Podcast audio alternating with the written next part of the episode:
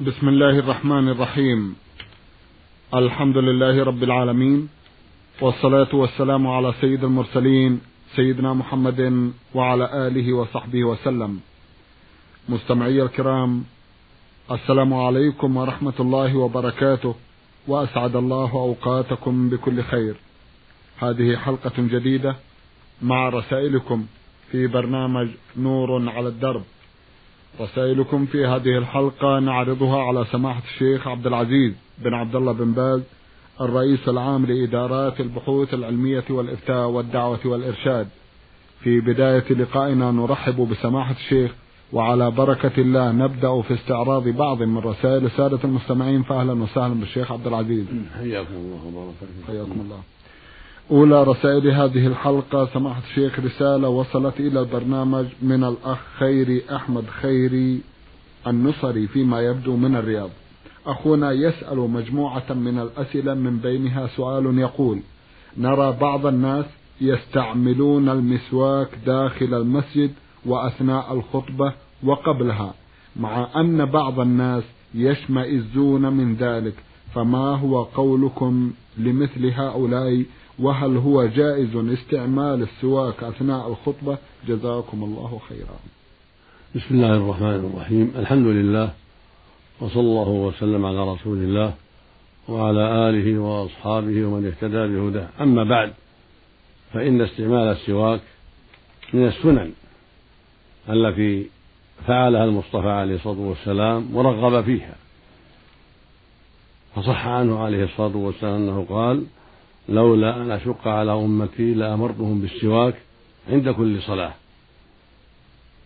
وفي اللفظ الآخر لأمرتهم بالسواك مع كل وضوء. وصح عنه عليه الصلاة والسلام أنه قال السواك مطهرة للفم مرضاة للرب. فلا حرج في استعماله في المسجد وغير المسجد. ويسن استعماله عند الدخول في الصلاة قبل أن يكبر وعند أول الوضوء وعند دخول المنزل. قالت عائشة رضي الله عنها لما سئلت بأي شيء يبدأ إذا دخل بيته عليه الصلاة والسلام؟ قالت كان يبدأ بالسواك يعني إذا دخل بيته عليه الصلاة والسلام. فالسواك من السنن المشروعة وفيه من تطيب النكهة وتنظيف الأسنان والتشجيع على الخير ما هو معلوم. لكن وقت الخطبة لا يستعمل. وقت الخطبة يكون المؤمن منصتا تاركا للحركة. لا لا يعبث بشيء ولا يستاك ولكن ينصت للخطيب ويستفيد من الخطبة ويتدبر ويتعقل. أما قبل الخطبة فلا بأس. قبل الصلاة لا بأس. هذا كون جالس المسجد لا بأس. عند الصلاة مشروع عند الوضوء مشروع. نعم. بارك الله فيكم. هنا رسالة وصلت إلى البرنامج من أحد الإخوة المستمعين يقول في بعض الأدعية عن النبي صلى الله عليه وسلم قال ما أصاب عبد هم ولا حزن. ثم قال اللهم إني عبدك وابن عبدك وابن أمتك ناصيتي بيدك ماض في حكمك عدل في قضاؤك. إلى آخر الحديث. السؤال هل المرأة تقول اللهم إني عبدك؟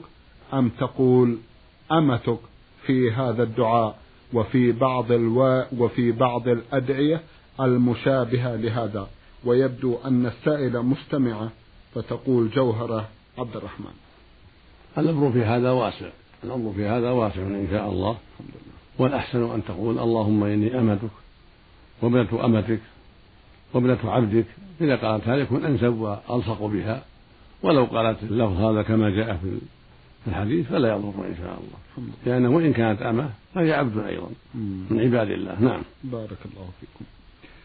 سؤال آخر سمعت من بعض الناس أنه يقول إذا فعلت عمل كالصلاة أو كالصوم أو أي عمل ثان في الدين أو الدنيا وسئلت هل صليت أو هل صمت أو عملت كذا وكذا لا تقل إن شاء الله بل قل نعم لأنك عملته فعلا فما رأيكم في مثل هذا؟ هذا فيه تفصيل. أما في العبادات فلا مانع يقول إن شاء الله. صليت إن شاء الله صمت إن شاء الله لأن لا يدري هل كملها وقبلت منه أم لا. وكان المؤمنون يستثنون في إيمانهم وفي صومهم ونحو ذلك نظرا لأنه لا يدري هل كمل أم لم يكمل فيقول إن شاء الله يعني إن شاء الله لصمت صوما طيبا سليما ويقول أنا مؤمن إن شاء الله يعني إيمانا صحيحا وإيمانا أموت عليه. أما الشيء الذي لا يختلف. قال بعت هذا فيقول بعت إن شاء الله. ما يحتاج إن شاء الله. بعت هذا إن شاء الله أو تغديت أو تعشيت إن شاء الله ما يحتاج إن شاء الله في هذا. لأن هذه الأمور ما تحتاج إلى المشيئة في الخبر. إنما هي أمور عادية قد فعلها وانتهى منها. بخلاف أمور العبادات التي لا يجزي هل وفاها حقها أم بخسها حقها. فإذا قال إن شاء الله فهو للتبرك باسمه سبحانه وللتحرر من دعواه من دعواه شيئا قد يكون ما أكمله ولا أداه حقه. نعم. الأخت جوهر عبد الرحمن أيضا تقول أرجو من سماحتكم أن تدلوني على الكتب المفيدة النافعة في الدين والدنيا وأن تدلوني على المكتبة الموجود فيها هذه الكتب أو ترسلوا لي إذا تكرمتم شيئا من هذه الكتب. جزاكم الله خيرا.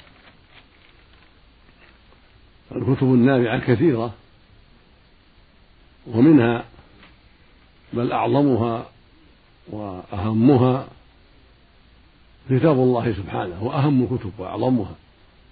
فيه الهدى والنور وفيه الدعوة إلى كل خير وفيه بيان مكارم الأخلاق ومحاسن الأعمال وفيه بيان ما أوجب الله وبيان ما أعد الله لأهله من الخير وبيان ما حرم الله وما أعد لأهله من العقوبة.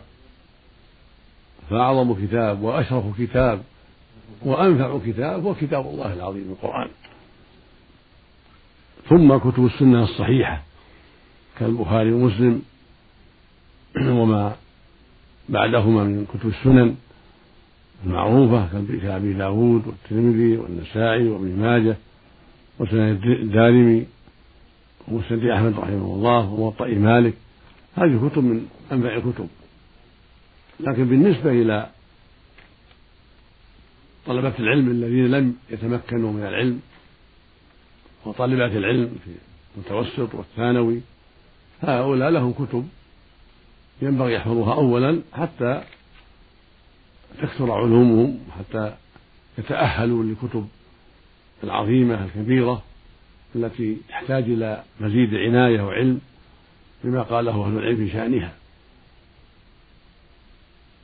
مثل كتاب التوحيد للشيخ الإمام محمد بن عبد الوهاب رحمه الله هذا كتاب عظيم في العقيدة ومن ثلاثة الأصول ينبغي يحفظ من الطلبة والطالبات الطلبة المتوسطة والابتدائي كذلك حتى يكون عندهم أساس في العقيدة. كذلك العقيدة الواسطية لشيخ الإسلام ابن تيمية كتاب عظيم مختصر لكنه مهم في العقيدة. كتاب بلوغ المرام للحافظ بن حجر في الحديث كتاب عمدة الحديث للشيخ عبد الغني بن سور المقدسي في الحديث مهم. الأربعون النووية وتكميلها لابن رجب الجميع خمسون حديثا. كتاب جيد ومهم نافع. في الفقه. عمدة الفقه الموفق بن قدامة كتاب جيد في الفقه الشرعي في الفقه الإسلامي وهو في الفقه الحنبلي لكنه يعين على معرفة الفقه الإسلامي بالأدلة الشرعية. دليل الطالب الشيخ مرعي ويوسف الحنبلي مختصر المقنع المسمى زاد المستقنع للحجاوي هذه كتب في الفقه مختصرة. ومن الكتب النافعة المفيدة لطلبة العلم وللعامة جميعا رياض الصالحين للنووي رحمه الله وابن الصيب ابن القيم رحمه الله. هذه كتب مفيدة. زاد المعاد في هدي في هدي خير العباد ابن القيم رحمه الله. هذه الكتب وأشباهها فيها نفع كبير. نعم. بارك الله فيكم. أخت لنا من المنطقة الشرقية بعثت برسالة وكتبتها بأسلوبها وعلى طريقتها ونقرأ الرسالة كما وردت. بسم الله الرحمن الرحيم. السلام عليكم ورحمة الله وبركاته. وبعد أنا السائدة نون دال قاف من الشرقية. أنا تزوجت إنسانا أنانيا بمعنى الكلمة. لم يكن يحسب للعواطف ولا الإنسانية أي حساب أي أنه جعل يتصرف دون تفكير إنه جاد في كل شيء وحين يتخذ قرارا لا يرجع فيه إنني كنت أحبه ولكن عندما اتضحت لي الحقيقة كرهته ولم أفكر فيه. أروي لكم قصتي حيث أنني يوما من الأيام قد نسيت أن صلاة الظهر والعصر لم أصلهما فاستغفرت ربي وقد تكرر هذا الحدث وفي كل مرة هو الذي يوجهني وليس لأجل أنه يحبني ويريد الخير لي إنما يريد أن يرصد الأخطاء ويحاسبني فيها في المستقبل وعندما حاسبني بالصلاة التي قد نسيتها أردته أن يسامحني وتظاهر لي بأنه قد سامحني ولكنه بعد مضي فترة على زواجنا وأنجبنا طفلة طلب مني أن ننفصل لعدم كفاية ديني وإنني أهمل في بعض المرات. والأهم من ذلك كله منذ تزوجنا أنه لا يريد أن يفهمني ولا يتفاهم معي. وأنه يعاملني بأسلوب يصعب علي إظهار عواطفي وحبي له بأنه يتهرب من الكلام معي وعدم مصارحتي آه، بما يجول داخله. وفي ذات مرة فوجئت بأنه عندما ذهب بي إلى أهلي خطب فتاة ولم يوافقوا أهلها لأنه متزوج ولديه طفلة وعندما رجعت قال يجب أن ننفصل لأنني أريد امرأة متدينة وذكر لي الحديث الذي يقول اظفر بذات الدين تربت يداك فاعذريني وأخذ يكلمني بأسلوب عرفت منه أنه ناوي أن يتزوج غيري ولكني عرضت عليه جميع الحلول غير الطلاق لكنه صمم وطلقني دون ذنب وأنا وابنتي, وابنتي الآن في حيرة علما بأنه لم يتزوج متدينة وكان زواجه بتشريع زوجته أو كذا عبارة لم أفهمها سماحة الشيخ. أيوه. ف... ف... العبارات الأخيرة غير واضحة فأرجو أن يتفضل سماحة الشيخ بالمعالجة على ضوء ما سمعت. ما دام الطلاق حصل فالعلاج الآن ليس له يعني أثر كبير في حصول المطلوب. نعم. لكن إن قدر الله رجوعك إليه فالواجب عليك لا من أجله بل من أجل الله سبحانه وتعالى وعظمته. نعم. وما أوجب عليك من الحق الواجب عليك أن تهتمي بأمور الدين وأن تحرصي على أداء الصلاة في وقتها فمثلها لا ينسى. هي عمود الإسلام. وهي الركن الثاني من أركان الإسلام بعد الشهادتين الواجب عليك أن تكوني مثالية في الأخلاق الإسلامية وفي أداء ما أوجب الله عليك حتى لا يجد طريقا إلى ذمك وعيبك وإلى التماس امرأة أدنى منك. هذا هو الذي ينبغي منك أن تكوني حريصة لأن الله أوجب عليك أن تستقيمي على دينه وأن تحافظي على ما أوجب عليك وأن تحذري ما حرم الله عليك. فأنت إن شاء الله سواء عند أهلك أو إن رجعت إليه الواجب عليك أن تهتمي بأمر الدين نعم. وأن تحرصي على أداء ما أوجب الله من الصلاة العظيمة في وقتها بالخشوع والطمأنينة وهكذا جميع ما أوجب الله عليك من بر والدين من صلاة الرحم من حفظ اللسان عن الغيبة والنميمة من حفظه عن السب والشتم والكذب إلى غير ذلك عليك أن تحرصي على كل ما أوجب الله وهكذا صوم رمضان تحرصين على أدائه كما شرع الله مع التحفظ عن كل ما حرم الله من غيبة أو نميمة أو كذب أو سب أو غير ذلك مما يجرح الصيام.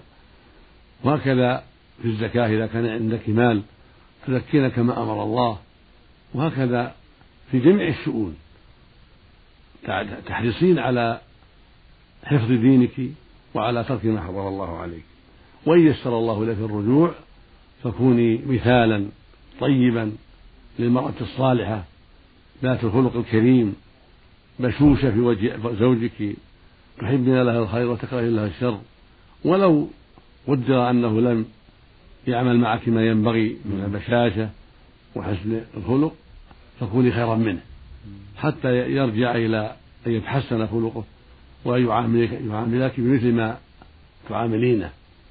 فعليك بتقوى الله في كل, في كل الأحوال وإن قدر الله إليك الرجوع فاحرصي على الأخلاق الفاضلة واللين في وجهه والبشاشة والكلام الطيب والمبادرة إلى فعل أوامره التي لا, حرج فيها وترك ما نهاك عنه من الأمور التي يحب أن تتركيها وهي لا لا تتعلق بحق الله سبحانه وتعالى. المقصود أن تلتمسي أسباب رضاه وأن تبتعدي عن أسباب سخطه إلا في الأمور التي أوجبها الله عليك فهذه أمور يجب عليك أن تفعليها. وهكذا ما حرم الله عليك يجب أن تتركي ما حرم الله عليك. وليس لك أن تطيعيه ولا غيره في معصية الله سبحانه وتعالى.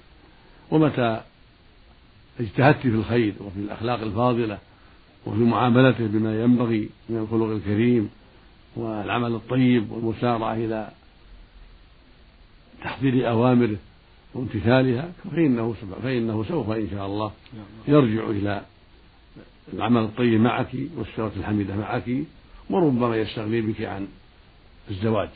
نسأل الله أن يقدر لك وله كل خير. اللهم وأن يجمعكما على خير. إنه على كل شيء قدير. اللهم آمين. جزاكم الله خيرا. أه، سماحة الشيخ إذا أذنتم لي ألحظ على كتابة أختنا أنها كتبت بصدق وموضوعية. فهي تقول إنني نسيت فريضة كذا وكذا. ثم تقول إنه يوجهني لكن الرجل فيما يبدو جاد أكثر مما يجب. آه نصحتم المرأة جزاكم الله خيرا وهي نصيحة ثمينة ولا شك. لكن ماذا عن الرجال شيخ عبد العزيز؟ هو عليه كذلك عليه إذا قدر الله له الرجوع إليها أو مع الجديدة آه. عليه يتقي الله وأن يحسن المعاشرة. فالله سبحانه يقول وعاشروهن بالمعروف. ويقول عز وجل ولهن مثل الذي عليهن بالمعروف وللرجال عليهن درجة. فللزوجات حق عظيم. نعم. وإن كان حق الزوج أكبر وله درجة فوق حقها لكن يجب ألا يستغل درجته في إيذائها وظلمها وعدم إنصافها. فلها حق كبير وله حق وحقه أكبر. نعم. لكن عليه يدي الحق الذي عليه في حسن المعاشرة. والتلطف بالمرأة وطيب الكلام معها وإعطائها حقوقها هذا واجب عليه. وهي واجب عليها أن تبادل له المحبة والفعل الطيب والكلام الطيب وأداء الحقوق وحسن المعاشرة وأن تزيد فوق ذلك لأن له عليها درجة. هذا هو واجبهما جميعا. أما إذا أراد الزوج أن تكون هي طيبة وهو ليس بطيب هذا ليس ليس من الإنصاف في شيء. نعم. يجب أن ينصفها. وأن يقوم بحقها وأن يحسن معاشرتها حتى تنشرح حتى ينشرح صدرها للقيام بحقه وحتى تبادله المحبة والمعاشرة الطيبة. نسأل الله للجميع الهداية. نعم. اللهم آمين. هذه الجدية الزائدة أو هذه الصرامة أو الشخصية القوية التي يسميها بعض الرجال كيف تنصحونهم نحوها لو تكرمتم سماحة الشيخ؟ الواجب على الرجل أن يحرص على التسامح والعفو عن بعض الهفوات التي لا أهمية لها في حقه وألا يطلب حقه كاملا بل يتسامح ويعفو عن الكثير. هكذا ينبغي للرجل وهكذا كان النبي صلى الله عليه وسلم مع زوجاته عليه الصلاة والسلام. يكون لينا معهن طيب الخلق معهن يعاشرهن بالمعروف ويتسامح عن كثير مما قد تغلط فيه المرأة أو يزل به لسانها أو تجهله أو ما أشبه ذلك. فالرجل هكذا. ينبغي له أن يكون سمح الأخلاق طيب السيرة كثير العفو والصفح عما يتعلق بحقه. لا يطلب حقه كاملا بل يتسامح عن بعض الشيء. ثم إذا عاتب يعاتب بلطف وكلام طيب وعبارات حسنة وتوجيه واضح ليس في غلة ولا شدة ولا عنف. اللهم إلا إذا كافرت وعاندت. هذا هو محل الشدة عليها نعم. بسبب عنادها وتكبرها وعنفها. أما ما دامت تلتمس منه التوجيه وكلامها طيب فينبغي له أن يكون أطيب.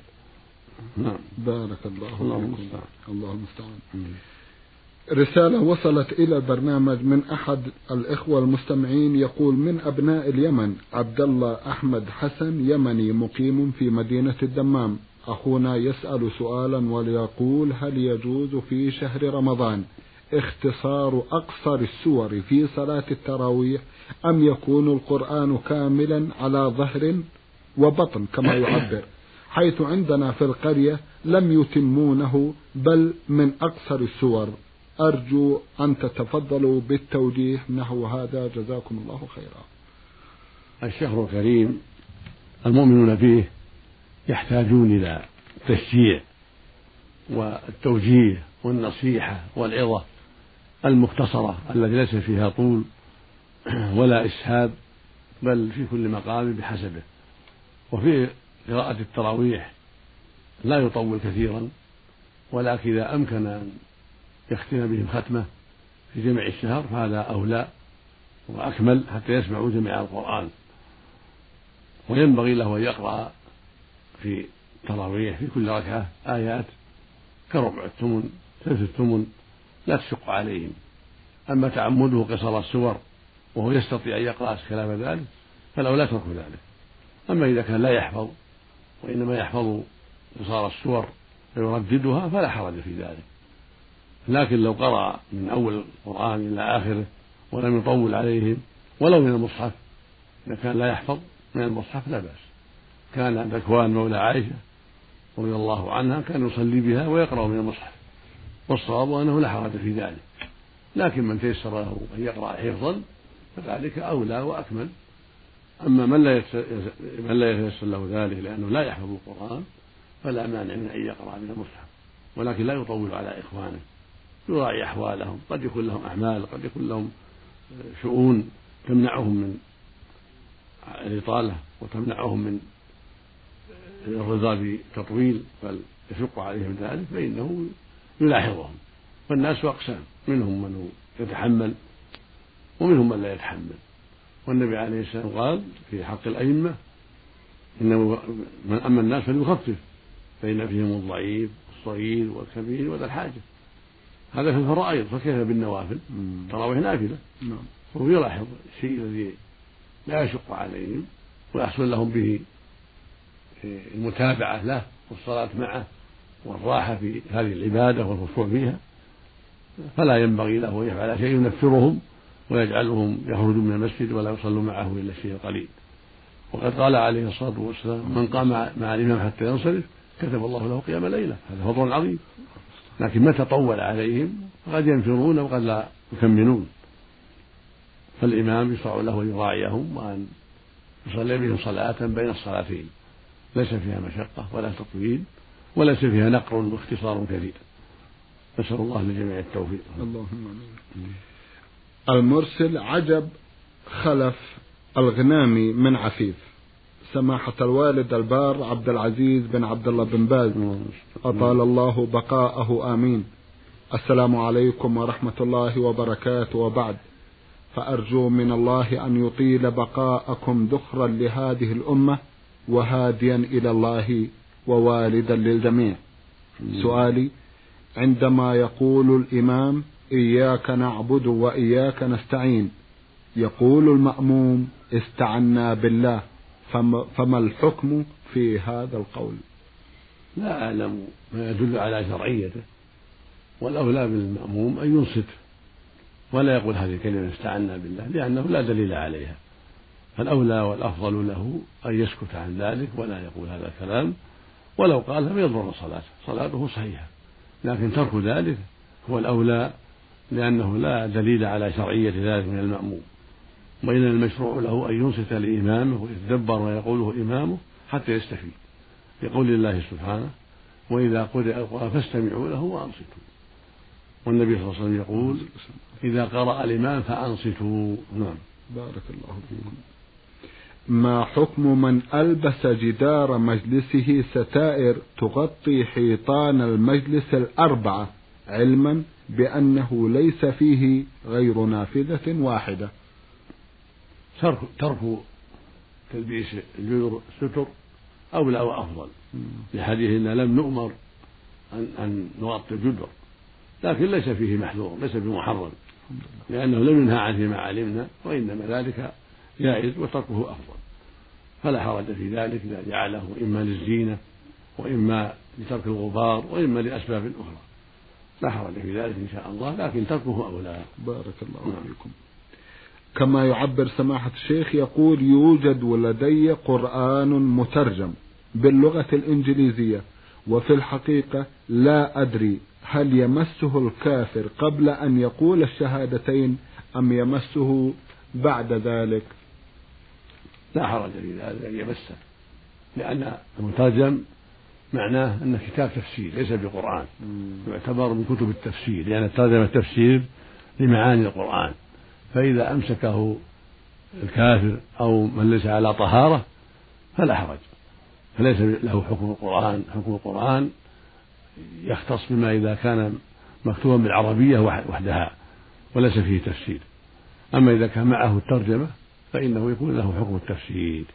والتفسير يجوز أن يحمله المحدث والمسلم والكافر لأنه ليس من ليس كتاب القرآن ولكنه يعتبر من كتب التفسير. نعم.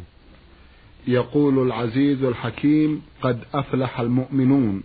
إلى قوله تعالى والذين هم لفروجهم حافظون إلا على أزواجهم أو ما ملكت أيمانهم.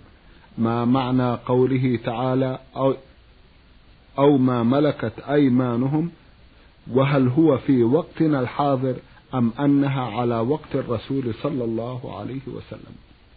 هذه الآيات آيات عظيمات وصف بها سبحانه أهل الإيمان الموعودين بالفردوس أعلى الجنة. قال سبحانه قد أفلح المؤمنون الذين هم في صلاتهم خاشعون. والفلاح والظفر والفوز بكل خير والسعادة. ووصفهم بالخشوع في الصلاة يعني الإقبال عليها والطمأنينة فيها وإحضار القلب. والذين هم عن اللغو معرضون يعني أعرضوا عن كل ما لا ينبغي من شيء عن الشرك والمعاصي وكل شيء لا فائدة فيه. أعرضوا عنه واشتغلوا بما ينفعهم من الأعمال والأقوال. والذين هم للزكاة فاعلون زكاة المال وزكاة الجاه والنفس.